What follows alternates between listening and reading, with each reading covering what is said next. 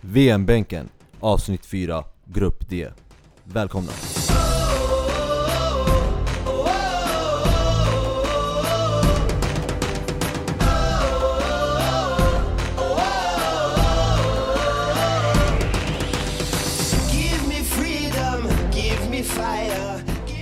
Yes, då hoppar vi rakt in i grupp D och som eh, Abbas väljer att kalla den dödens grupp. Abbas. Yes indeed, eh, det är ju, det är bara att höra på eh, länderna då, Argentina, Kroatien, eh, Island och eh, Nigeria. Det är, Nigeria. Kunde sagt Nigeria? Eh, nej men det är riktigt, eh, alltså det är ju bra lag alltså. Island som, eh, som gjorde ett bra EM och nu för första gången någonsin är med i ett världsmästerskap. ja, Och, det här är ju minst sagt den mest intressanta gruppen, men vi kan väl hoppa rakt in och börja med Argentina tycker jag. Yes, eh, vi har ju, ni har ju alla sett deras trupp som de har tagit ut nu. Den slutgiltiga truppen. Mm. Vad har ni för tankar om den? Ja, som eh, vanligt är det starkaste delen anfallet, den offensiva delen. Och eh, jag skulle säga eh, svagaste punk punkten hos Argentina ligger väl i försvaret. Nu kanske de har förstärkt lite om man jämför med eh, förra VM-mästerskapet. För min del i alla fall ser jag mer positiva delar. Men eh, ja, målvaktsfronten där, eh, den ser inte ljus ut med tanke på att eh, ja, man har ju drabbats av några skador och så, så det är någonting Argentina kommer behöva jobba med. Mm. Um, alltså, jag vet inte, Argentina det känns som ett lite alltså, svagare namn i den här truppen än, än, än vanligt. Självklart har man ju alltså, svagare och svagare, men i anfallet är det ju packat, packat. Men jag snackar om mittfältet till exempel. Enda motorn som jag kan se är Ever Banega som ska leda det här laget, men jag vet inte. Är han en, är han en tillräckligt bra mittfältare för ett Argentina? Mm. Ja, jag, jag är lite inne på samma spår som dig du, eh, Dini. Som du sa, det är ju bara Banega som är den här motorn alltså. Och eh, själva truppen är ju inte lika stjärnspat, eh, stjärnspäckat som det var i liksom, tidigare år. Eh, det är därför Messi verkligen har jättemycket Alltså han har allting på sina axlar. Förut så var det inte så att man bara slängde allt på en, på en och samma spelare. Ja, förutom Maradona-tiden då kanske, men eh, i alla fall från eh, ja, 96 upp till 2006 där. Precis. Alltså du nämnde Vanega som den enda motorn. Eh, Mm. Bara nu i huvudet så kan jag tänka Riquelme, jag kan tänka Sebastian Veron, jag kan tänka flera spelare som kunde ha den här rollen och ännu mer än det. Eh, och sen anfallarna har ju Argentina fortsatt ha och vi ser redan nu på alltså vilka anfallare som finns. Och det hade man också eh, förut också, men jag tänker mest på försvaret. För förut så hade man väldigt, alltså ett, ett starkt försvar. Nu så ser jag inte det och jag tror att de, alltså de andra lagen i gruppen ska ta vara på deras eh, liksom mindre kvalitet. Precis, alltså jag ser ingen försvarare här som, som sticker ut. Ingen. Ni tycker alltså att Ja. de, de lever inte upp till sin femte rankning i eh, Nej? Alltså det är som, det är som Abba säger, förut så eh, delade man på den här rollen. Alltså, det, Mm. var, det var många som axlade Argentina. Nu är det bara Messi. Förut var det ju Gabriel Batistuta, det var en Hernan Crespo, Riquelme, Recobo, alla de som du nämnde. Eh, så Argentina kommer bestå av Lionel Andres Messi. Jag kan ju inte hålla med där, med tanke på att jag tycker deras försvar ser ganska ljus ut inför det här VM-mästerskapet. Du har en... eh, Du sa ju nyss att det var den svagaste punkten i Argentina. Det är den svagaste punkten alltid hos Argentina, men jämfört med tidigare VM-mästerskap så tycker jag den har förbättrats. Till exempel 2014 och eh, 2010. Alltså nu har vi ju Niklas Otamendi som eh, har gjort det fint i Man City. Och där vi vet att Guardiola spelar en väldigt eh, offensiv och fotboll där man håller i mycket bollen. Och då är det ju verkligen i de stunderna som spelarna testas ifall de gör misstag. Och sen har du ju Federico Fazio som kommer från Tottenham, spelar idag i Roma, gjorde det bra i Champions League och med eh, Roma i ligan tog de en ja, självklar tredje plats.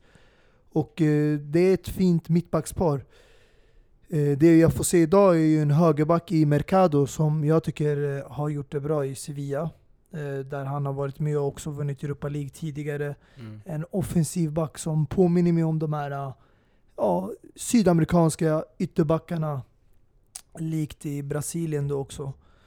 Så jag tycker det är en starkt lag man har. Kanske vänsterbackpositionen är inte det starkaste. Eh, ja, Christian Ansal, det är en bra spelare men ja, det finns säkert någonting bättre där man kan plocka. Men eh, mittfältet, där ni pratade om att det är mittfältsmotorn Banega.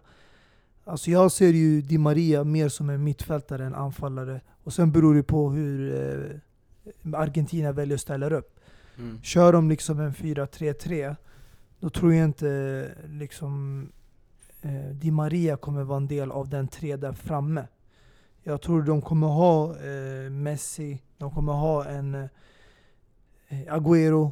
Och sen om Agüero flyttar ner på kanten och Higuain kommer in, eller om de tar in också Dybala. Det ska bli intressant att se. Men jag tror att eh, Di Maria kommer tillhöra mer mittfältet. Eh, jag tycker besvikelsen är att de har lämnat ut Javier Pastore.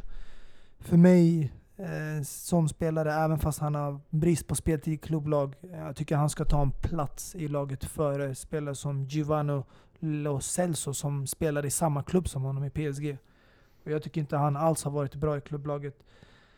Så det är chock för mig. Sen har du också Rojo från ja, United som har varit kritiserat en hel del men har alltid gjort det bra och var med också i landslaget 2014 när de tog sig till eh, där en final. Mm. Eh, Abbas, finns det någon mer du känner saknas i den här truppen? Väldigt riktad fråga. Ja, alltså det är väl ganska, alltså det självklara och ganska uppenbara också. Eh, Mauri Icardi. Eh, jag förstår eh, om du som tränare har något agg mot honom eller inte tycker om honom eh, som person. Inte ens då så, så- alltså, du, du måste alltid ha den här spelaren i truppen. Om du inte väljer att starta med honom, det är en grej.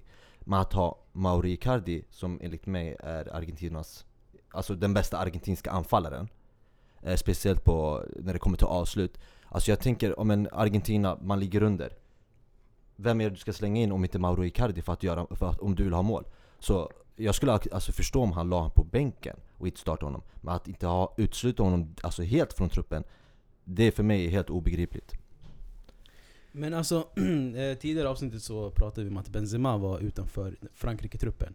Eh, och, eh, och alltså grejen är, när det kommer till VM och, eh, och EM och sådana här eh, turneringar så väljer man ut det bästa laget och det mest sammansvetsande laget. Och eh, jag tror, vi, vi sa ju att Benzema blev eh, utanför truppen för att man, fokuset kommer bara ligga på det han har gjort utanför fotbollsplanen eh, och att eh, det inte bara kommer, man, man inte kommer se hans kvalitet. Jag känner samma sak att det kommer vara med Mauro Icardi. Så jag tror eh, Sampoli eh, tog det beslutet att eh, han vill inte att ögonen ska riktas mot Icardi, det han har gjort utanför planen, utan det ska vara eh, Argentina man ska se på, det ska vara laget man ska se på. Men då har jag två frågor till Eh. Abbas. Eh, den första är att han var ju med under, eh, i den första truppen då. Ja exakt, och han spelade ja, och han spelade i träningsmatcher och så, och i kvalet. kvalet. Ja. Ja. Men jag tänker mer, alltså, handlar det verkligen om att det är ett agg mot honom då? Eller handlar det om att eh, han inte enkelt platsade i den slutgiltiga truppen? Och fråga nummer två då, jag kan ta den på en gång. Vem skulle han peta i det här fallet då? Eh, fråga nummer två, om han inte skulle platsa, den kan vi utesluta, direkt för den, den ska han platsa i. Vem skulle Eh. han peta fråga? Ja, det var fråga nummer tre. Två. Okej. fråga nummer ett. Om han var med i kvalet och Jag- i... jag förstod det. Ja, Eh, fråga nummer tre. Aha, du ställer en fråga. Ja men då förstår jag. Nej, och vem han, vem han ska peta? Eh, Higuain, eh, Agüero, ja. Någon av dem? Nej, båda. Alltså vadå någon av dem? Det han ska ju peta båda. Eh, men eh, fråga nummer ett, Ja, det här med agg. exakt. Eh, jag tror, det, det, det, det måste vara det. det no- Varför vad tog han med honom från början i så fall? Exakt, men det är för att han var ganska tvung, tvungen och eh, jag tror inte att han eh, liksom räknade med att Icardi skulle fortsätta som han gjorde eh, under hela säsongen och eh, jag vet inte, till slut så, det är många rapporter som kommer ut som säger att det är, det är Messi som har eh, liksom bestämt och gjort det här beslutet att han inte vill ha med Icardi till eh, VM Jag vet inte men det, något, något skumt är det, för det här är inte, det är inte logiskt för fem jävla öre alltså på riktigt, att inte ta med Icardi. Oavsett det som din nämnde Och Maxi För det, Lopez det, det är ingen någonstans. jävla dödssynd han, han har gjort, om vi ska nu vara helt ärliga. Det är eh, liksom när vi, när vi tänker eh, moral och etik, vi säger man så. Eh, Då, absolut, då förstår jag, men det var inte så bokstavligen. Fast du jag förstå- dragit upp det här ämnet så många Ja, Vi gånger. behöver inte upp det igen, men du Nej. kan ju förstå att det ändå rubbar balansen lite. Absolut, men ja. Alltså, hade, det här, tror- hade det här varit någon annan, då kan jag, alltså Jag tror inte att, eh, alltså om Higuain gjorde det här så tror jag inte han skulle bli utsluten Agüero gjorde samma sak, definitivt Messi Och Ja. om han hade till och med gjort det Benzema var Ja. anklagad för Hur som Hur helst, skulle Benzema, for, eller vill säga, eh, Messi Ja. fortfarande vara med i starten? hur som helst så kommer han ändå vara saknad i den här truppen, då han är en av världens bästa anfallare och eh, det blir tråkigt att inte se honom på den stora scenen. Så jag tror det underlättar för en tränare och eh, hålla en spelare som utanför just på grund av de här kontroversiella grejerna. Och som du sa tidigare, det kan rubba balansen i omklädningsrummet och påverka lagkemin. Och eh, det är väldigt stort att jämföra ett kval där man spelar då i, den, eh, ja, i Sydamerika med ett VM-mästerskap där det kommer vara ja, matcher där alla, varje match har en eh, viktig roll. Alltså du har inte råd att tappa några poäng eller göra något misstag och att det ska bli något ja, diskussion eller någon problematik eh, som tränaren kommer inte ha tid och åtgärda en sån dilemma.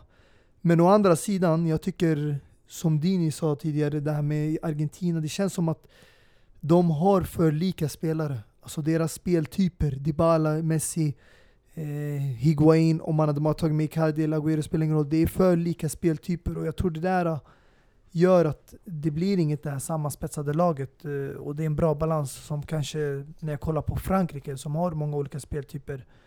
Jag tycker det där eh, är ett stort problem. Men samtidigt, man har hämtat en tränare, Jorge Sampaoli, som lämnade CV efter ett år på grund av att han har tagit två Copa America-vinster med Chile. Så jag tror argentinska befolkningen har en eh, ja, hög förväntning på att han ska leverera resultat. Och de kom ju till finalen senaste VM-mästerskapet, så bättre än det är ju ett guld istället för silver. Exakt, och nu får argentinaren leda sitt eget lag. Han tog ju Chile till, en, till ett guld i Copa America. Men det roliga kommer ju vara hur de har ju fyra otroliga offensiva spelare i Iguain, Messi, Agüero och Dybala. Och jag tror helt ärligt att man inte kan spela de här tillsammans alls i en elva. Och eh, Dybala som vi nämnde, eller Mustafa nämnde, att det, finns, det, det är för många lika spelare i det här laget. Och Dybala är för lik en Messi. Och på det sättet tror jag att eh, han kommer lämnas utanför en, en elva. Mm. Ja, eh, alltså när jag kollar Argentina, bara truppen Jag ser inte en enda ledare i den truppen eh, Och jag tror det är det som är den största alltså, anledningen varför de till slut, alltså kvalade till eh, VM på håret, förstår du? Ja.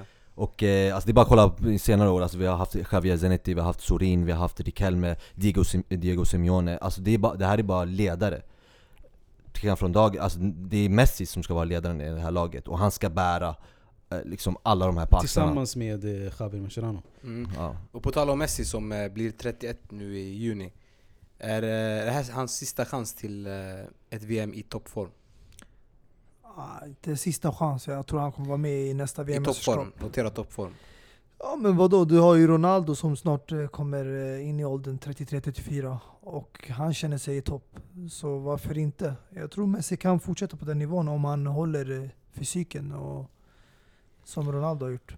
Och Mm. tänker smart definitivt för Ronaldo är ju inte den där som springer lika mycket som han gjorde förut För han står ju bara och hugger till när det väl gäller eh, Messi är ju faktiskt likadan nu när man tänker på det Enda skillnaden är att Messi brukar ta bollen från mittplan och springa hela vägen upp De ruscherna får han eh, minska på. Ja. Eh, men det sjuka är alltså deras eh, givna målvakt som alltid startar för Argentina är ju skadad, Sergio Romero. Eh, så det kommer bli kul att se vem som startar för deras eh, lag. För Willy Caballero har ju suttit i, i bänken för Chelsea mestadels. Eh, så jag vet inte hur matchtränad han är. Och sen har man en eh, Guzman som ersatte Sergio Romero och spelar i den mexikanska ligan. Eh, som sagt, alltså, försvaret är den svagaste delen i Argentina. Det gick ju, hans fru gick ut också och sa det, Romero, att, att han skulle vara alltså, klar till VM. Men det handlar om politik bakom beslutet att peta honom. Så att, det blir intressant att se Mm. vad de har tänkt.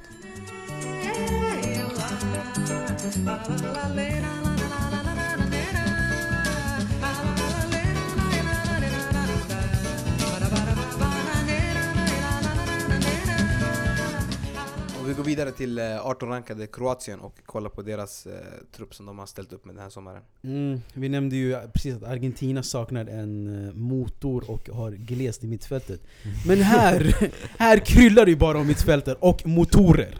Det här är ju ett lag av bara mittfältare känns det som. I, i Luka Modric, Ivan Rakitic och eh, Mohamed... Vad heter han? Marcelo Brozovic eller Kovacic eller ja, det precis, precis. Det, det kryllar. Mhm. Eh, så... eh, ett jävligt bra lag alltså. Mm. Skitbra lag. Mm. Som alltid. Ehm, ja. De har, de har ganska bra anfall också om jag ska vara helt ärlig. Eh, I Ivan Perisic, Kramaric, Kalinic, Mandzukic. Mycket itch alltså. Och Juventus-lånet Marco Piaca. Piaca. Precis. Som gjorde det bra i Schalke faktiskt. enda spelaren som inte, inte heter Itch i eh, anfallet. Eh, Mm. men precis. Även Ante Rebic som hade en sejour i Fiorentina förut. Mm. Eh, eh, jävligt bra anfallare alltså. Så det är... På tal om Fiorentina, där har du ju även eh, Milan Badelj. Som eh, är en mittfältare som jag tror kommer definitivt starta eftersom han är den balansspelaren. Han kommer ju vara där defensiva Mm. delen. Och sen kommer ju mittfältet med största sannolikhet bestå av Rakitic och Modric. Mm. Sen om de spelar 4-4-2 eller 4-3-3, det ska bli intressant för att eh, Perisic är ju en kantspelare, men frågan är om de ska spela med kantspelare, vem ska vara på andra kanten? Brozovic, så lirade de i alla fall i kvalet.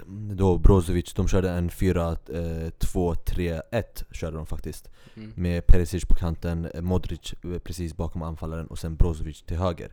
Sen hade man Rakitic och Badej i mittfältet. Eh, Jag ser Ja. inte Brozovic som en kant alltså. ja, han, kan, han, han kan ju spela, han har gjort det. Men eh, ja, det är kanske inte hans naturliga position. Men det har ju funkat eh, jättebra. Eh, på tal om eh, Kroatien, var det någon som såg eh, Brasilien-Kroatien igår? Ja, vi la upp Mm. en post nu tror jag på vår Instagram, avbytarbänken. Mm. Mm. Eller Mm. avbytarbanken blir det på Instagram kanske. Mm. Ja, nej men de imponerade inte så, eh, så mycket då, just den matchen, det var en träningsmatch Jag fastnade bara på Neymars återkomst Mm. till fotbollen, alltså 98 dagar skadad och kommer tillbaka till den här matchen Och göra ett sånt där mål. Och göra är det, 10-15 minuter så gör han Mm. det där målet Alltså det, ja, Det sjuka är att han hela tiden blev, eh, alltså blev eh, tacklad och alltså jag skrek hemma Ey, skada inte honom för jag vill se honom i VM. mm. Eh, så sen kommer han och gör sånt där mål. Mm. Det, Ja. det är sjukt.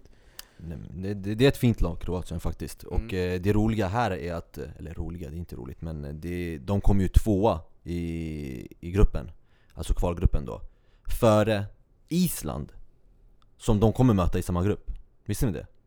Ja, Jag, jag visste inte heller det, för jag, tänkte, alltså jag, tänkte, jag har aldrig tänkt på det, men alltså kan man Alltså man kvalar ju i, kan man vara i samma kvalgrupp och sen i samma VM-trupp också? Det går ju. Alltså gru- grupp? Ja, Ja. men det, det, Uppenbarligen går det Alltså Ja. för kvalet, kvalet är ju, är, baseras på vart... eh, Man du- spelar vilken kontinent, Precis, men eh, VM lottas ju. precis. Så det är ju helt du, ser, du ser ju att Portugal och Spanien är i samma grupp i VM till exempel. Så Det är- finns ingen liksom eh, pottgrupp 1 eller 2, det är ingen rankning där. Då. Men det, är, det är väl max två europeiska lag som får hamna i samma grupp, typ. det är typ den och... Exakt, alltså många olika från samma kontinent får inte hamna i samma grupp. Det är typ denna, den enda avgränsning man har.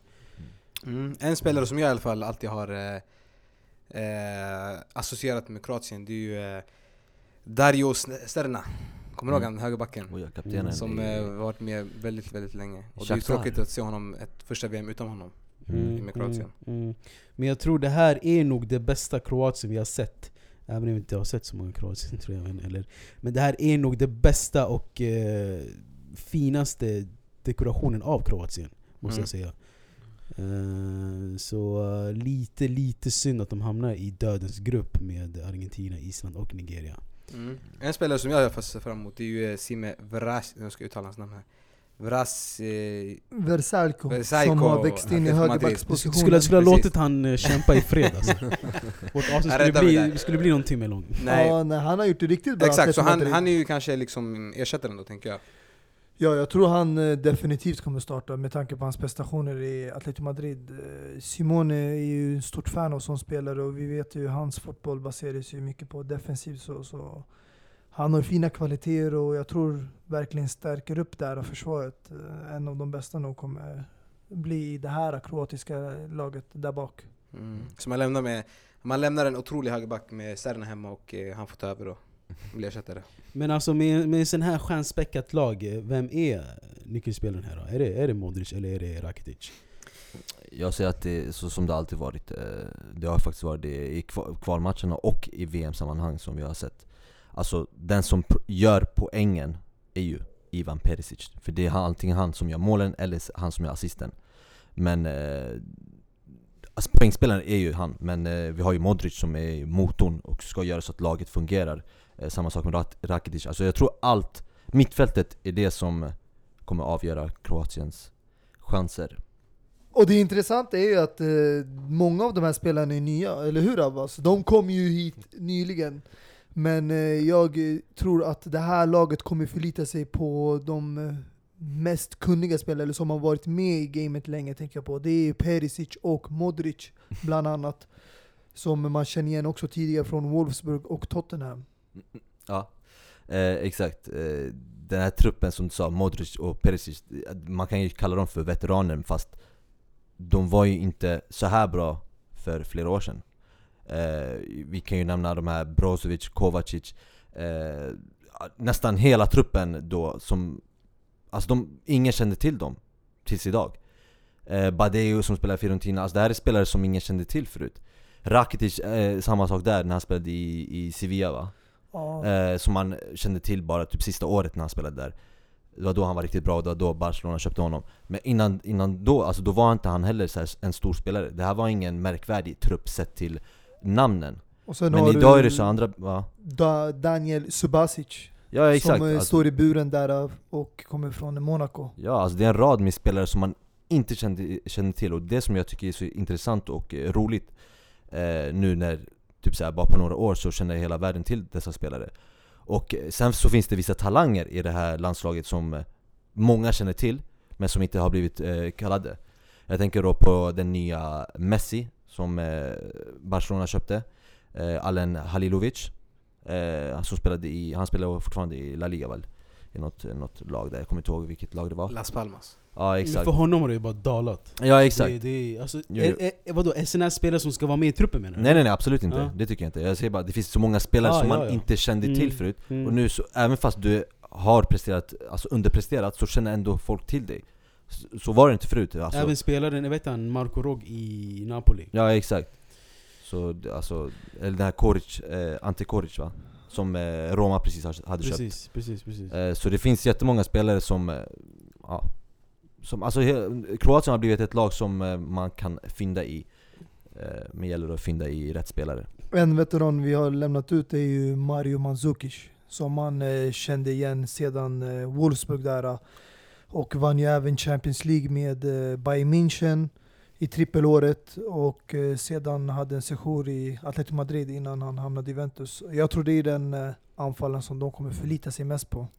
Ja, men när det kommer till veteraner så är det en spelare som, eh, som jag tycker saknas i den här truppen, för han har ju funnits i de tidigare mästerskap eh, Ivica Olic Han kommer ni ihåg, den här krigaren som bara jagade boll efter boll och gick på allt och alla Mm, hans tid i Bayern München minns man vä- väldigt väl. Ja, han hade ju sin sektion i hela Och Tyskland det roliga är att han sitter nu i träning, vad heter det? Staffen som assisterande tränare för uh, detta Kroatien. Du tänkte säga på bänken där va? Tränarbänken. Så eh, vi kommer ju se han, eh, tror jag, i, i, i VM glimta förbi i tv-skärmen i alla fall.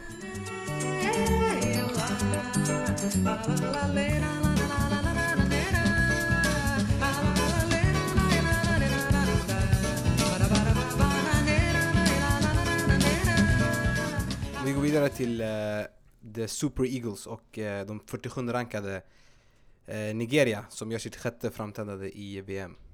Och var det första afrikanska laget att kvala till det här VMet. Mm. Ehm, jag såg dem eh, träningslandskampa mot eh, England i förrgår tror jag det var.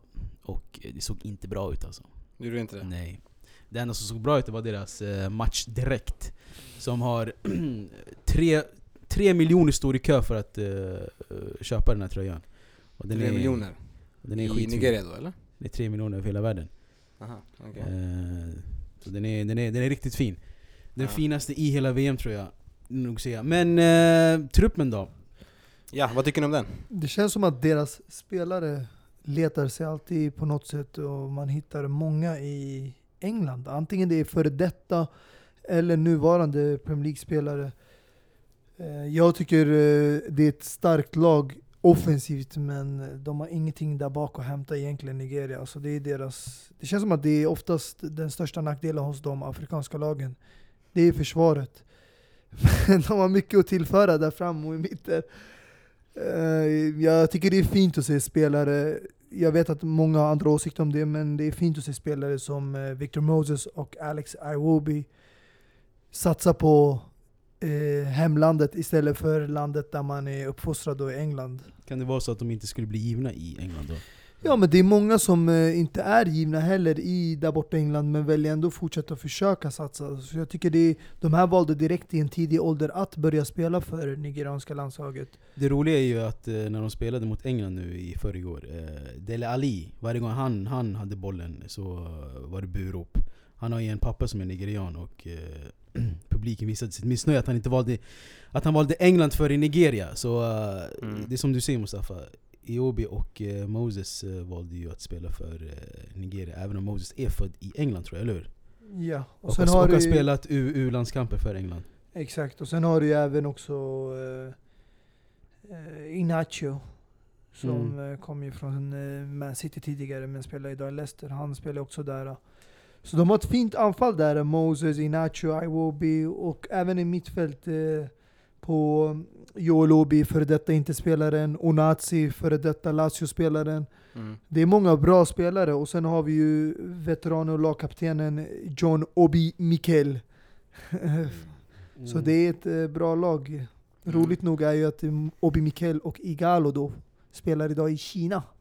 Men lyckas ta en plats i landslaget. Är det bara jag som ser det här som en uh, joker i VM? Det här laget? Om de klarar sig ur den här dödens grupp då? Det tror jag, jag tror du är ensam De har ju ändå kommit till... ensam. de har ju kommit till eh, tre stycken uh, 16-delsfinaler tidigare. Mm. Så det är, det är inte ett dåligt lag med en dålig historia ändå. Alltså jag ser det så här. Eh, som du sa, alltså Nigeria har ju varit med i ja, typ nästan varje mästerskap och eh, jag känner att laget blir sämre och sämre för varje mästerskap, känner jag faktiskt helt ärligt. Eh, vi pratar om, eh, jag, jag är en sån här som gillar att jämföra trupper alltså från tidigare mästerskap.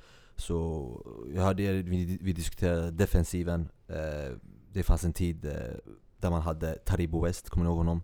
Han med flätorna, som är så här färgade flätorna. Eh, som spelade i, mest i Italien då. Eh, han var ju väldigt fin spelare. Eh, och ni ger, gav jättemycket beröm till deras anfall.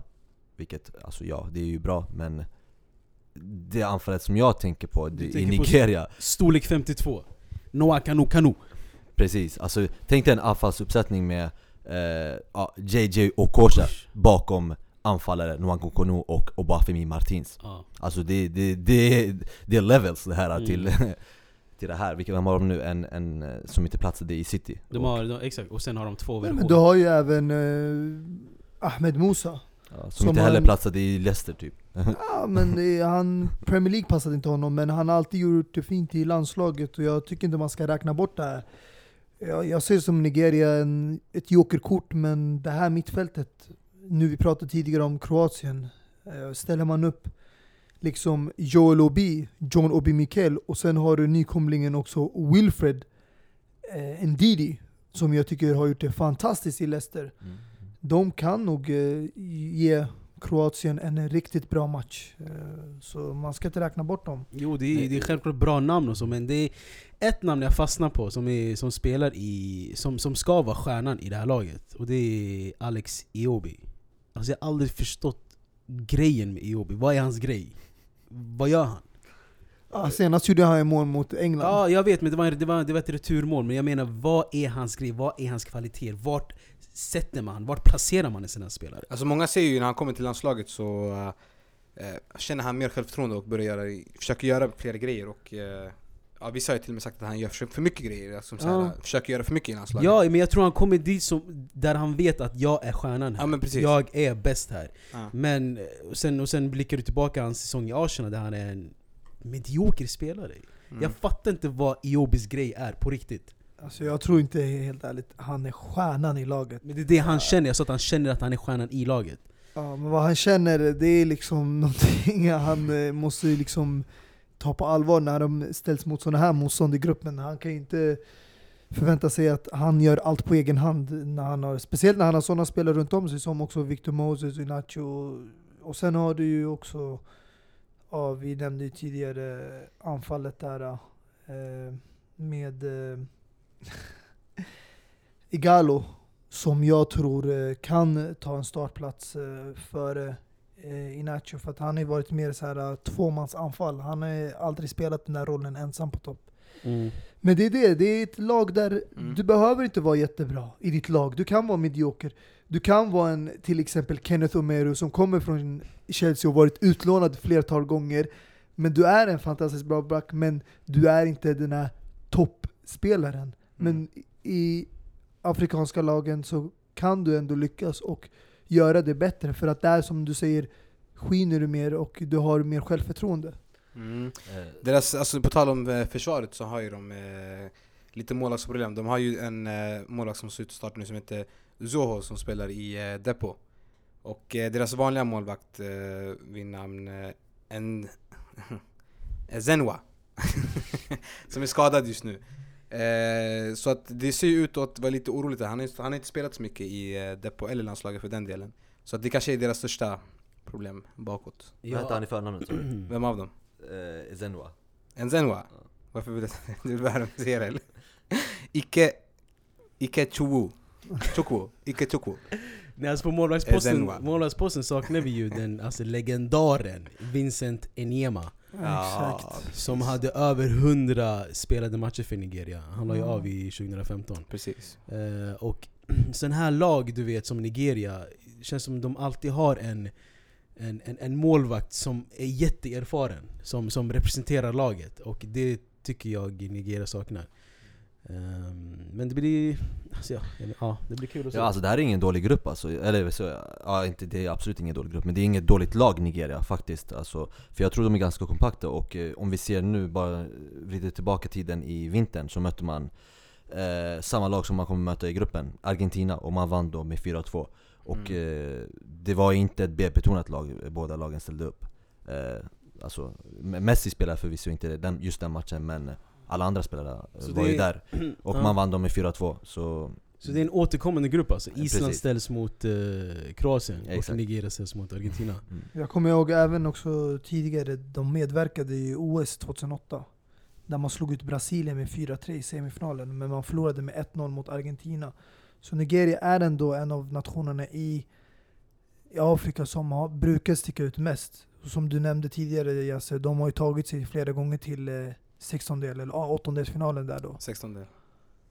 Nu när jag har kollat upp dem eh, så ser jag att eh, de kör med en fembackslinje Och sen tre stabila mittfältare och sen så förlitar de sig på sina anfallare Och det är en, eh, en smart taktik när- om man ska gå in i VM och möta sådana här bra lag Mm. Att man ja, bara kör, har liksom starkt där bak och har snabba spelare som bara kan glida sig igenom och eh,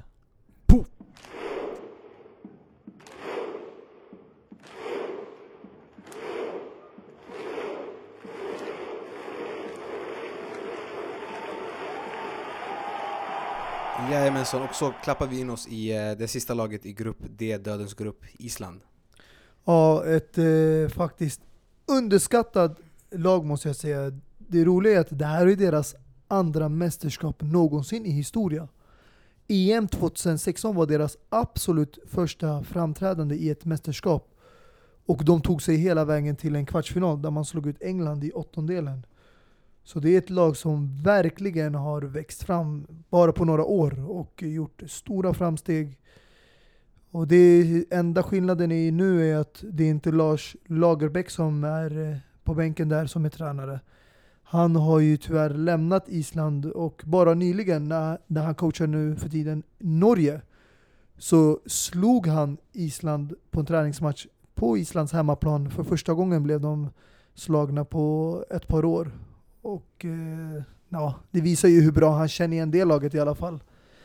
Men eh, jag tror de absolut viktigaste spelarna i det här laget som eh, man ska ha ögonen på eh, inför det här mästerskapet, det är ju Gylfi Sigurdsson som är deras maestro där i mitten. Spetsen Alfred Finn Bogason som spelar i Augsburg och sen har man ju även Gudmundsson i Burnley som eh, gjort det riktigt bra där också. Där Burnley eh, gjorde en av sina bästa säsonger i Premier League.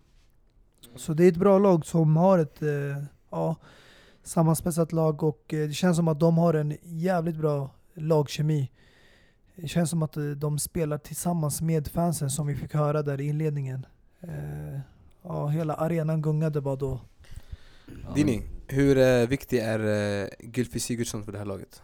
Gylfi Sigurdsson är jätteviktig. Jag kommer ihåg att vi pratade om Danmark, att Christian Eriksson var deras main man. Jag känner samma sak att Sigurdsson är här för Island, men det är skillnad på hur eh, hurdan Christian Eriksen är och hurdan eh, Gylfi Sigurdsson är. Christiansen är ju en sån här... Christiansen? Eh, Christian eh, Eriksen är en sån här spelare som sagt som eh, anpassar laget efter sig själv. Men här tror jag att Gylfi Sigurdsson, att det här laget kommer ses som Island först och främst och inte bara som Sigurdsson. Eh, och eh, vi kommer ju absolut bli påminda om att eh, det är 10% av hela befolkningen som kollar på Islands matcher varje gång. Så var beredd på den informationen som kommer bli uttjatad det här VMet. Ja, alltså det, ja, men som ni säger, alltså det, här, de har ju, det här är ju framgång för hela landet och de intar då VM och kommer då bli tidernas minsta land sett till populationen. Eh, att delta då i världsmästerskapet. Eh, och eh, jag vet inte, ni pratar om Gylfi Sigurdsson. Jag, alltså när jag kollar på Island så ser jag bara ett lag. Jag ser inte spelarna, jag, jag, jag förväntar mig inte att någon annan ska sticka ut mer än ja, den andra. För det här är bara ett lag och eh, det kvittar vem som är stjärnan i laget. Alla spelar, för varandra och det är så jag tror de har tagit sig till EM och nu till VM. Och som jag nämnde innan, alltså de hade Kroatien i samma grupp och ändå kom, eh, alltså kom de etta i gruppen. Så det, ja, det är riktigt bra alltså av det här eh, lilla lan- landet. Precis, de har ju värde 300 000 invånare. Eh, som kommer ställas mot 186 miljoner invånare i Nigeria! Så, eh, Och ändå ligger Island på en eh, 22 plats på rankningen medan eh, Nigeria var de 47 va? Precis. Så Mm. det, är ju, handlar väl mycket om resurser kanske. Ja, det är, Ja, nej men alltså jag tycker det här laget, eh, de har som sagt, de har växt fram och eh, det känns som att det finns någonting som saknas i andra lag och det är karaktären där. Jag tänker på deras lagkapten, hur han eh, pratade med sina spelare, jag kommer ihåg under EM-mästerskapet, hur han lyfte hela fansen under arenorna i Frankrike när det spelades eh, EM och eh, fick med dem. Mm. Om ni inte känner igen honom, det är Aron Gunnarsson där. Han har ju spelat för det mesta del i Cardiff. Cardiff och gjort en hel del matcher där. Och nu gick de nyligen upp till Premier League, så det ska bli roligt att se honom där i högsta divisionen i England. Men eh, en spelare som jag tänker på när jag tänker på Island, det är ju Edjur Gudjonsson, som tyvärr Den inte gamla fick legenden. Ja, fick inte vara med i ett sånt här bra Island-landslag. Det skulle vara roligt att se honom och spela under den här eran. Faktiskt. När han var på topp. Jag tror, tror jag att eh, Island verkligen skulle vara ett landslag som eh, hotar. Men jag känner sympati att de hamnade i den här så kallade dödens grupp. Alltså, en spelare som jag vill ska leda Island tillsammans med Sigurdsson eh, Det är Emil Halfredsson eh, Som har varit i Italien mer än 10 år eh, Hade nummer 10 i Hellas Verona, idag spelar han i Udine tror jag Men jag blir alltid lika besviken när jag ser honom Alltid. Mm. Det här är en sån här spelare som ska vara nästan bäst i laget Men han levererar aldrig Nej. Eh, Island som möter Argentina i sin första match i gruppen. Hur ser deras chanser ut? Det var ju ändå, i, om man tänker tillbaka till EM när de mötte Portugal första matchen, så blev det ju 1-1. Kan Mm. de upp- återupprepa detta mirakel? Alltså jag tror de, de flesta lagen är beredda på att Island är ett skrällag. Eh, så jag tror eh, att underskatta Island är inget val för Argentina. Nej. Eh, för, vi, för, de, för alla, alla, de- det är känt hur, hur, hur det har gått för dem i de tidigare mästerskapet. Eh, så jag tror Argentina är beredda på att de kommer möta ett skrällag. Jag tror alltså Island är jumbon, men de ger ju lite minnen av eh, Turkiet under VM 2002. När ingen förväntade sig att det var laget som skulle göra något avtryck, men tog sig vidare från gruppen och kom hela vägen till semifinalen. Precis. När man åkte ut mot Brasilien. Så jag tror Island är kapabla, som de har visat tidigare, till att chocka andra lag och eh, ja, visa sig stora. De har ett stort hjärta i alla fall. Mm. Och eh, vi välkomnar dem till deras första mästerskap i eh, VM. När de tidigare varit med i EM. Så att det blir kul att se och eh, innan vi avslutar då, så hur rankar vi? Hur ser den här gruppen ut då? När den är slut? Eh, Jag tror Vad tror du etta Argentina, tvåa Kroatien. Det, det är väl det alla tror, tror jag här. Men eh, jag tror faktiskt Argentina... Eller ja, jag tror... Det kommer vara en kamp mellan första platsen faktiskt. Om Mm. Kroatien och Argentina. jag, jag väljer att sticka ut hakan här och säga att det kommer bli Kroatien, Island och Argentina åker ut från gruppen. Faktiskt. Tror du det? Det tror jag. Det har ingenting med Icardi att göra eller något sådär. Jag, jag, det är bara det jag tror. Ja. Alltså tror att- Island har ju visat att de är väldigt bra på att försvara. Som de är, till skillnad från de andra skandinaviska länderna. Eh, de är lite mer, de påminner mycket om klubbar i Premier League.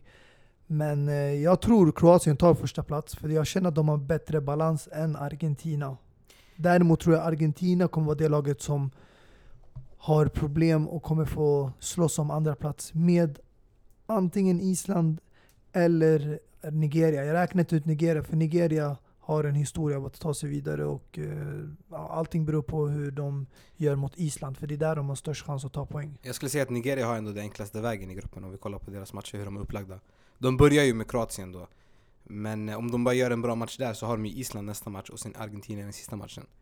Så att eh, det kan gå hur som helst. Mm. Island har ju däremot inte, inte en enda enkel match. De har eh, Argentina och de har sedan eh, Kroatien och eller de har Nigeria och sen Kroatien. Så att, eh, Hur man vänder och vrider på det, det är, alla Ja, kommer ha faktiskt. en, eh, en svår match. Ja.